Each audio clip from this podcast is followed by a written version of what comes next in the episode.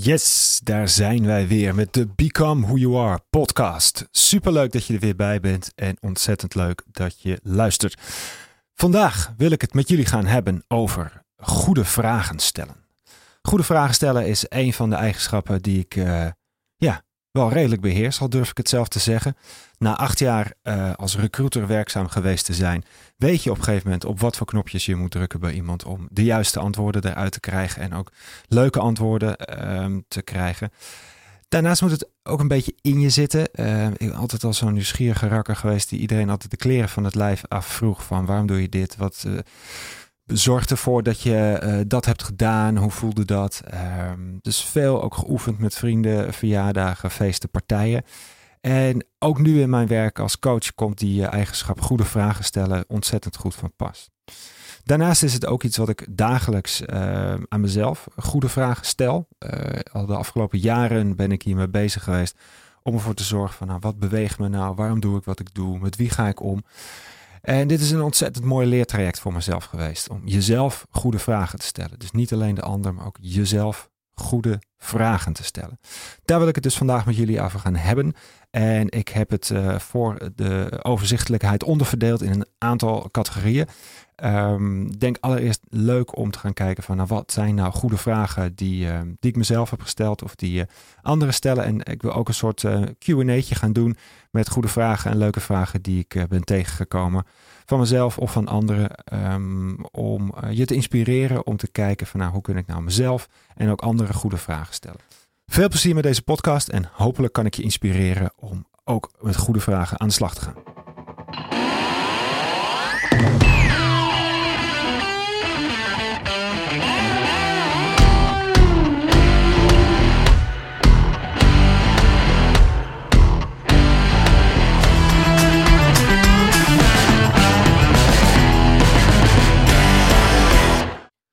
Bent het gemiddelde van de vijf tot zeven mensen met wie jij het meest omgaat. Ik herhaal mezelf. Je bent het gemiddelde van de vijf tot zeven mensen met wie je het meest omgaat. Wie zitten er in jouw vrienden, collega, kennissenkring? Met wie ga jij het meest om? Waar besteed je het meest tijd aan? Dit zijn ontzettend belangrijke vragen om jezelf af te vragen op het moment dat jij uh, niet helemaal blij bent met jezelf of graag dingen zou willen veranderen. Want de mensen in jouw omgeving bepalen dus mede wie jij bent en hoe jij denkt. Heel mooi inzicht om over na te denken. Een van de dingen ook waar ik mee aan de slag ben gegaan, uh, tijdens een uh, jaar lang reizen op wereldreis, heb ik heel veel tijd en rust en helderheid uh, gehad om over na te denken over onder andere dit soort dingen. En met wie ga ik om? Ik uh, was altijd een enorme social butterfly. Ik uh, vond het leuk om met alles en iedereen af te spreken en te doen. Ik voelde me soms ook schuldig op het moment dat uh, ik mensen een tijdje geen aandacht had gegeven.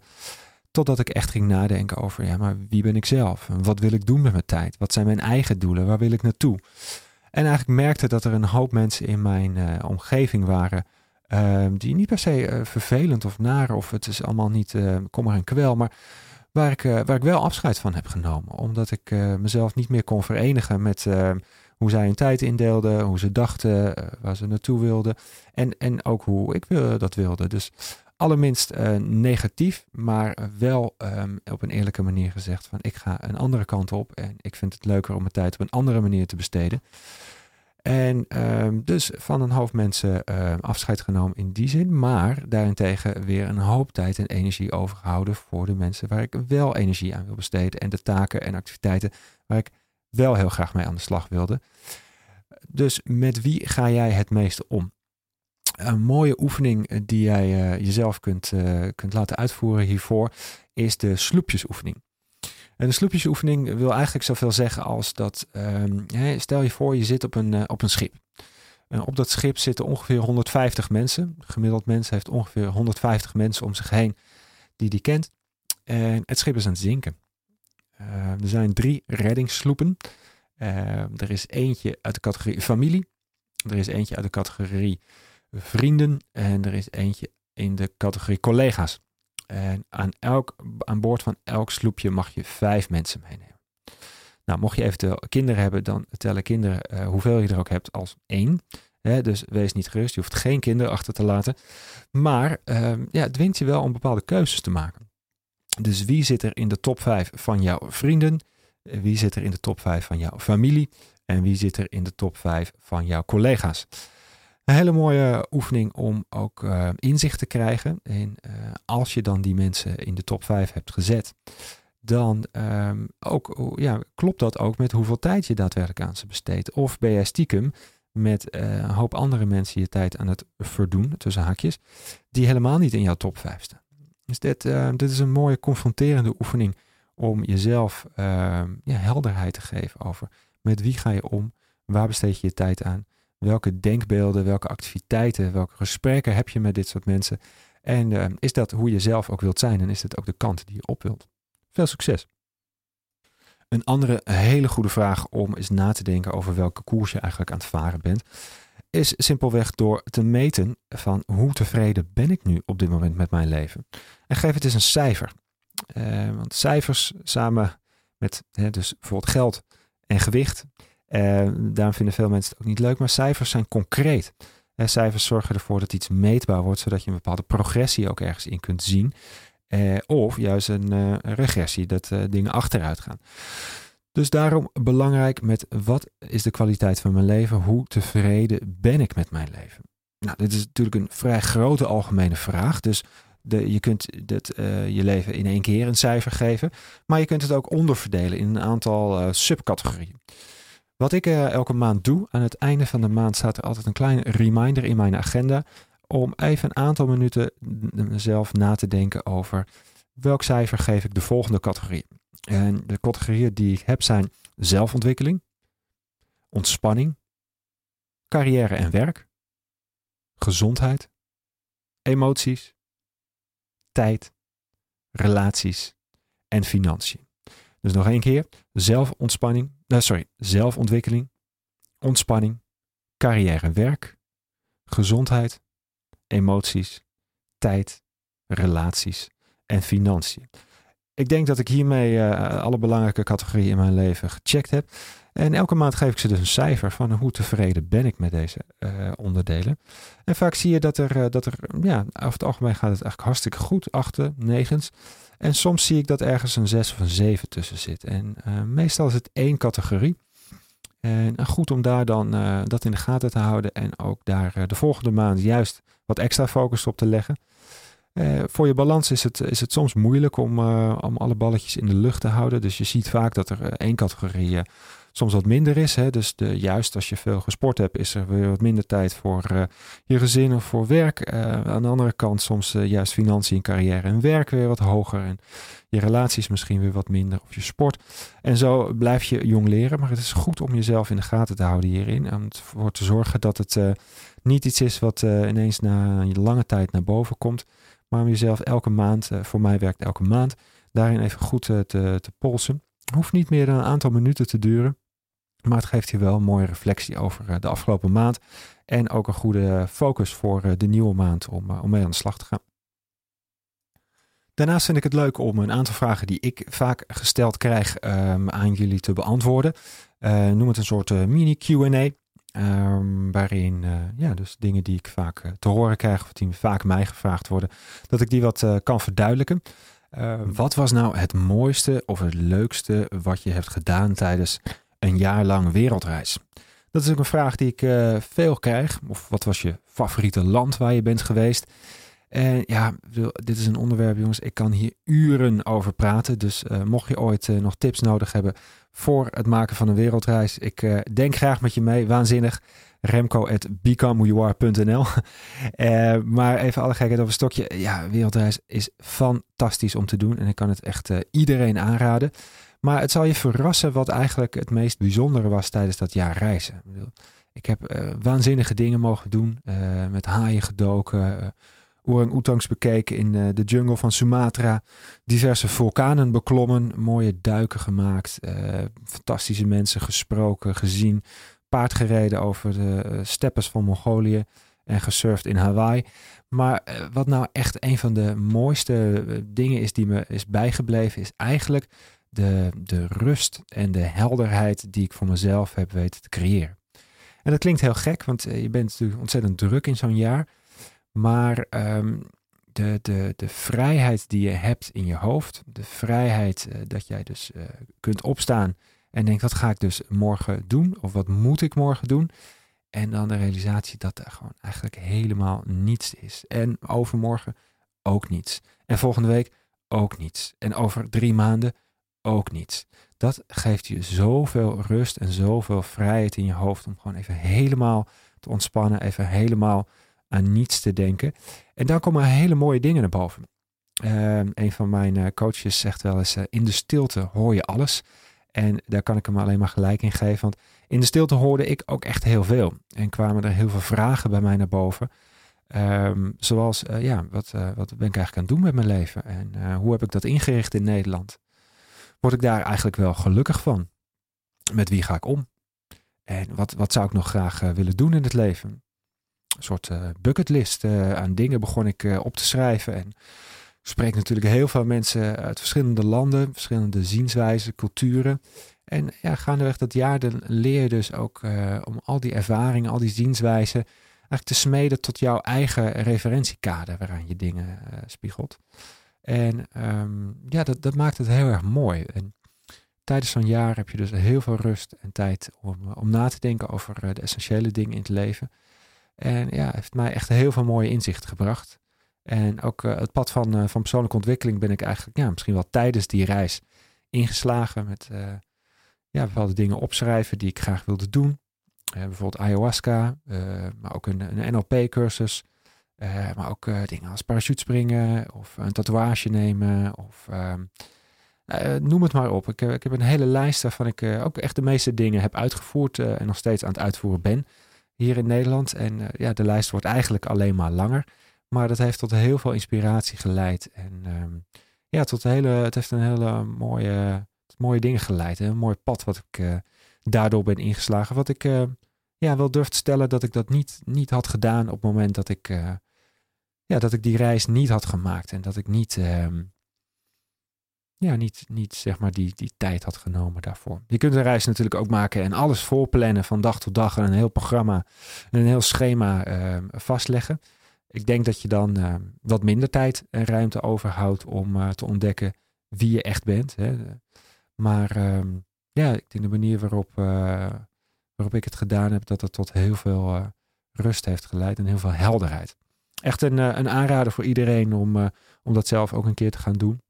Ik sprak toevallig laatst iemand, ja, mocht je nu het budget even niet hebben op korte termijn om een jaar te gaan reizen, Um, wat heel erg mooi is en wat ook heel goed kan werken, is um, wat ze noemen Vipassana. Ik heb het uh, zelf nog niet gedaan. Vipassana is een, uh, is een stilte retraite. Het staat overigens wel op mijn lijst, ook die ik in dat jaar heb opgesteld. Nog geen prioriteit aangegeven alleen. Um, en Vipassana is volgens mij een tiental dagen, meen ik.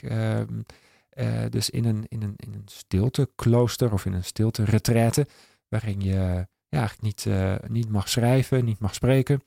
Um, veel mediteert. En um, zodoende echt tot de core van jezelf komt. En uh, tien dagen lijkt niet lang, maar als je daar eigenlijk 24 uur per dag mee bezig bent, nou reken maar dat dat behoorlijk confronterend kan zijn. En dat daar heel veel mooie dingen uit kunnen komen.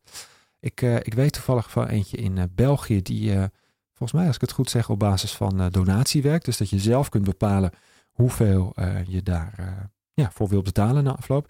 Maar um, de persoon die ik sprak heeft er één in eh, Madrid gedaan. Er schijnt er ook één in Nederland te zitten. Ik ben zelf nog niet zo'n expert op dit onderwerp.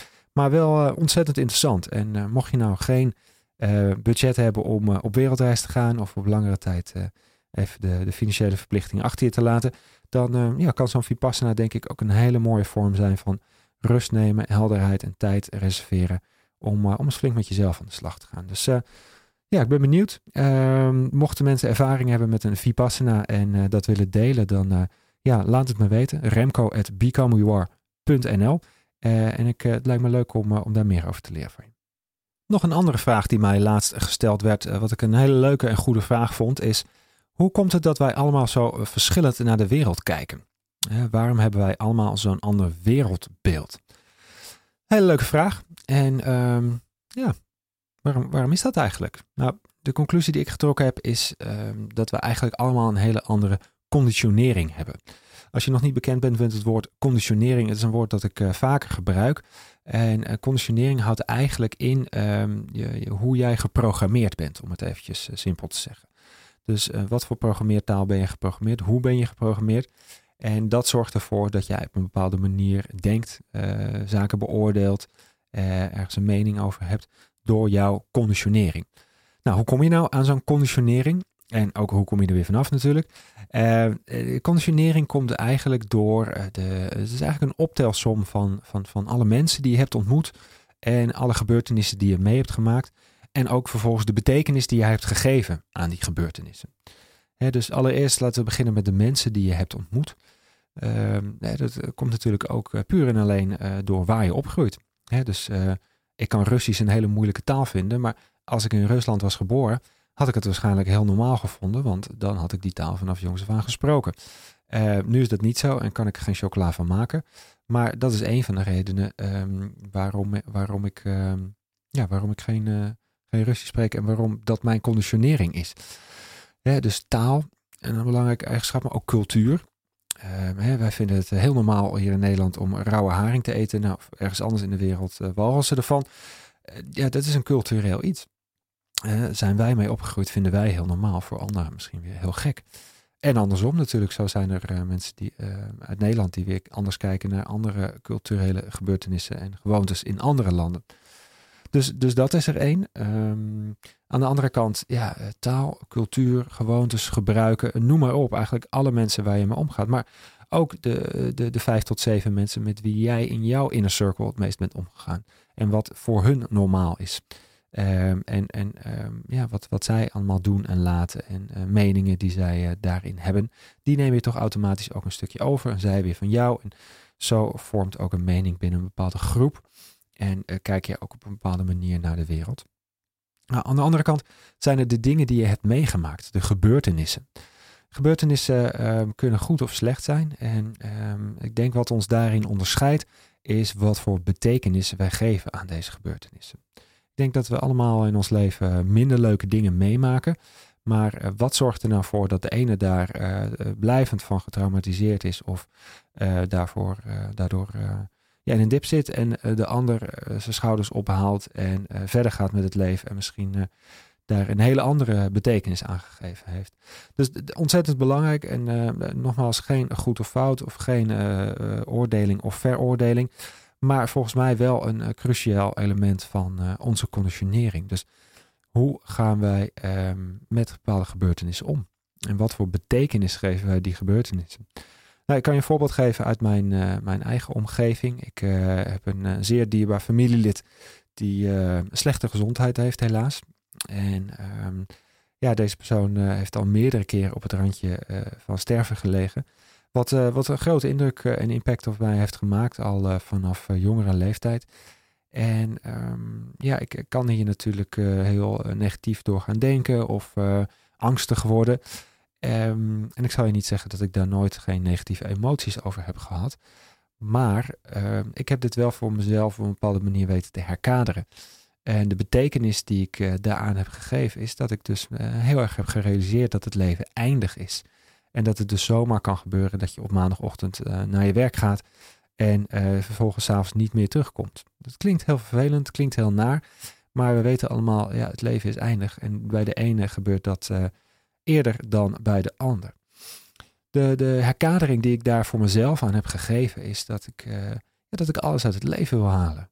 Dat ik, dat ik ervoor wil zorgen dat ik ja, zoveel mogelijk dingen probeer en zoveel mogelijk proef van het leven, zoveel mogelijk meemaak, zoveel mogelijk ervaringen opdoe, zoveel mogelijk ga, ga, ga ontdekken. En um, ik denk dat dat er ook voor heeft gezorgd dat ik uh, ja, bepaalde keuzes heb gemaakt, uh, bepaalde risico's tussen haakjes uh, heb genomen. Want ja, wat is nou eigenlijk een risico? Ik denk om de beroemde YouTube-vlogger Casey Neistat te quoten: The worst thing in life you can do is to play it safe. En ja, daar sluit ik me helemaal bij aan. Want ja, wat heb je eraan op het moment dat jij je negentigste verjaardag hebt en 90 kaarsjes uitblaast en denkt, zo, nou, ik ben zonder kleerscheur heb ik de finish bereikt. Ja, en? Was, was dat nou de zin van het leven? Was dat nou waarvoor je hier op deze wereld bent gezet? Of zou het eigenlijk niet veel mooier zijn als je vol krassen en schrammen en butsen en tatoeages en uh, andere mooie memorabilia, memora, memorabilia, memorabilia, ik kan het woord even niet uitspreken, maar in ieder geval de finish uh, weet te bereiken en denk, poh, dat was een avontuur, dat, uh, dat was te gek. Ja, het, het laatste is meer mijn, mijn zienswijze en daarin gebeuren natuurlijk wel eens dingen de, die niet lukken, ja, so what. Ehm, ik denk dat, dat dat alleen maar onderdeel uitmaakt van het leven en juist door fouten te maken, leer je ook weer, groei je ook weer. En um, maken die ervaringen je rijker. En denk ik dat je leven en de kwaliteit van je leven alleen maar hoger wordt. Dus ja, voor mij, als ik daarop terugkijk op die um, gebeurtenissen van die dierbare persoon van mij, uh, kijk ik eigenlijk met heel veel dankbaarheid daarop terug. Uh, dankbaarheid natuurlijk ook nog omdat deze persoon in leven is en mij eigenlijk deze lessen gegeven heeft.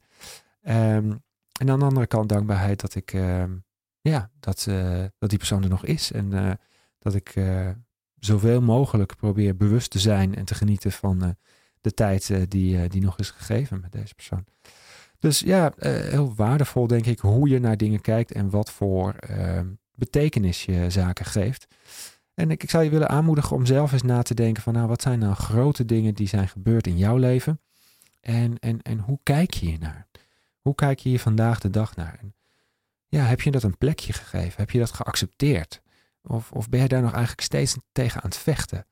Dat kost namelijk zoveel energie. En um, ja, eigenlijk zo zonde van je tijd. En, en het zou je, je zou het zo veel mooier kunnen herkaderen um, door iets wat je dient en, en, en waar je wat aan hebt. En wat je ook weer uh, aan andere mensen kunt doorgeven. Dus ja, denk daar eens over na. Ik, uh, ik zou het tof vinden om uh, te horen mocht daar, mochten daar mooie dingen uitkomen. Maar in ieder geval probeer eens te kijken wat je daarmee kan. Ik had laatst een, eh, een heel leuk gesprek met iemand. En um, ja, door, uh, door diverse vragen aan hem te stellen, kwam ik er eigenlijk achter dat hij uh, eigenlijk een, een, een, zingevingsvraagstuk had. En daarin um, ja, eigenlijk aangaf van ja, wat, wat is eigenlijk de zin van het leven? Want um, ja, volgens mij houden we onszelf allemaal voor de gek en is er eigenlijk geen zin in dit leven. Um, en ja, dat zorgde best wel voor wat, eh, wat verwarring. En uh, niet dat hij uh, daar niet mee om kon gaan, maar ja, wel dat hij daardoor wel eventjes een soort van van de kaart was van, ja, wat, wat moet ik hier nu mee? En, en hoe denk jij hierover, Remco? Ja, het grappig, de, de zin van het leven is eigenlijk de moeder der aller vraagstukken. En um, ja, ik ga ook niet in deze podcast presenteren dat ik een pasklaar, kant-en-klaar antwoord voor jullie heb. Maar hoe, ik er naar kijk is, is um, eigenlijk enerzijds geef ik hem gelijk. Hè, de, de, er is niet echt zin uh, van het leven. Maar aan de andere kant, de, de zin van het leven voor mij is de betekenis die ik er zelf aan geef. En ik denk dat dat voor iedereen geldt. Dus uh, dat iedereen een bepaalde betekenis geeft aan het leven. En daarom ook doet wat hij doet. En dat kan voor iedereen heel anders zijn. Um, de ene kan dat uh, de kinderen zijn, de andere kan dat carrière of ambitie uh, zijn, de andere kan dat topsport zijn. En er zijn misschien ook een hoop mensen die daar überhaupt nog nooit over nagedacht hebben. Um, dat is wel eens interessant om uh, bij jezelf te raden te gaan van waarom sta ik eigenlijk, waarom sta ik eigenlijk ochtends op? Waarom, waarom blijf ik niet gewoon liggen? Ehm, of ja, wat ga ik doen met de rest van mijn leven? Ik denk hele interessante vraag om, om jezelf te stellen. En um, ja, je zult ook merken dat je daar niet zomaar uh, een pasklaar antwoord op hebt. Tenminste, ik hoop het voor je. Ik hoop dat jij dat heel helder hebt en precies weet waar je naartoe wilt en uh, waarvoor je dingen doet. Maar ik denk dat het voor de meeste van ons uh, nog niet geldt. En daarom juist leuk om, om het daar af en toe over te hebben. Dus ja, wat voor betekenis geef jij jouw leven? Ik ben heel benieuwd. Wat doet nou eigenlijk een coach, Remco? Dat is een vraag die me laatst gesteld werd. Uh, vond ik een goede vraag. Uh, want een coach is natuurlijk erg breed interpreteerbaar. Ben je een basketbalcoach? Ben je een fitnesscoach? Ben je een personal trainer? Ben je een levenscoach, life coach? Uh, goede vraag. Uh, ik schaam mezelf als ik mezelf een labeltje moet geven, dan uh, toch meer onder de categorie life coach dan onder fitness coach. Ehm, ik vind het leuk om met mensen te praten over wat ze bezighouden, over ehm, levensvragen die zij hebben waar ze zelf eigenlijk geen antwoord op hebben.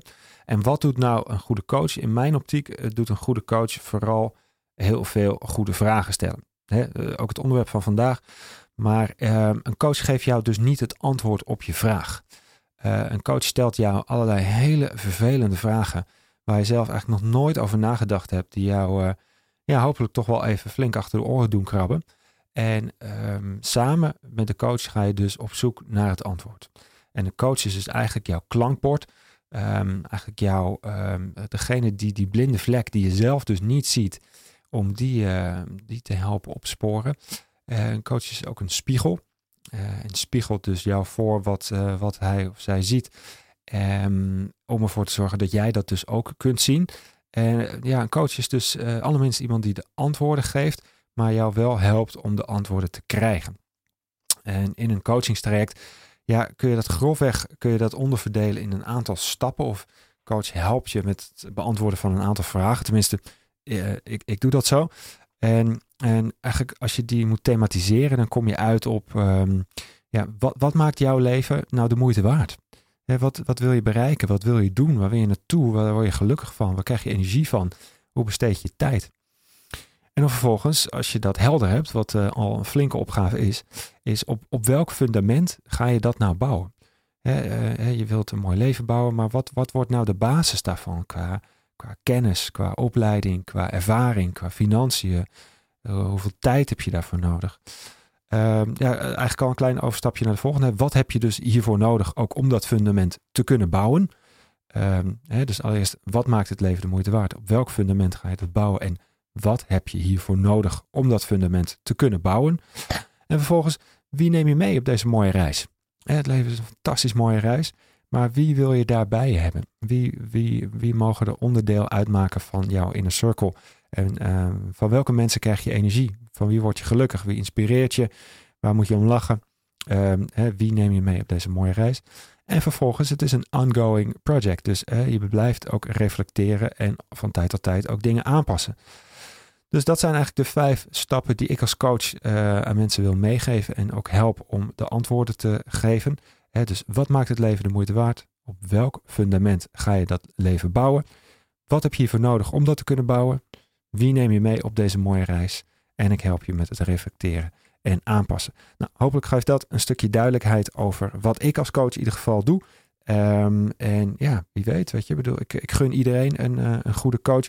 Um, zij dat ik dat ben, iemand anders, het maakt mij niet uit. Maar uh, mijn advies zou echt zijn: neem een goede coach en zorg ervoor dat je aan die punten van jezelf gaat werken. Waar je dus eigenlijk zelf te kort zicht op hebt, geen antwoorden op hebt. En zorg dat je op je gemak voelt bij iemand. En op een leuke en zinvolle en nuttige, interessante manier samen dus die antwoorden boven tafel kan krijgen. Veel succes daarmee. Dat was hem weer. Tot zover deze Become Who You Are podcast over goede vragen stellen. Ik vond het uh, tof dat je er weer bij was. Fijn dat je luisterde. Ik hoop dat ik je heb kunnen inspireren. Ik hoop dat ik je aan het denken heb kunnen zetten over het onderwerp goede vragen stellen. En uh, ja, ik ben benieuwd wat, uh, of dit uh, je eigen vragen die je aan jezelf stelt gaat veranderen. Of daarin uh, nieuwe dingen, nieuwe inzichten gaan komen. Ook hoop ik dat de gesprekken nog beter en leuker gaan worden die je met anderen hebt. Doordat je betere, leukere, interessantere vragen gaat stellen aan andere mensen. En ook deelt wat jou bezighoudt. Dus ja, hopelijk vond je het een leuke aflevering. Ik hoop je volgende keer weer te zien en te horen. En te horen dat je luistert.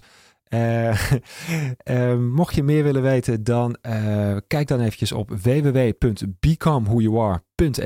Daar vind je meer informatie over mij, over mijn coachingsonderneming en over, ja, ook over goede vragen stellen. Er staan een aantal interessante stukjes op over wat je kunt leren tijdens een coachingstraject. En ja, daar staan ook een aantal vragen bij die, die denk ik voor iedereen heel waardevol zijn om zichzelf te stellen. Dus www.becomewhoyouare.nl. Wil je nou meer weten over deze podcast, over coaching? Mail me eventjes naar remco.becomewhoyouare.nl. En dan uh, vind ik het hartstikke leuk om met jou in gesprek te gaan over dit onderwerp of over uh, de dingen die je bezighouden. Dus um, ontzettend bedankt voor het luisteren weer en ik hoor jullie graag een volgende keer. Hoi!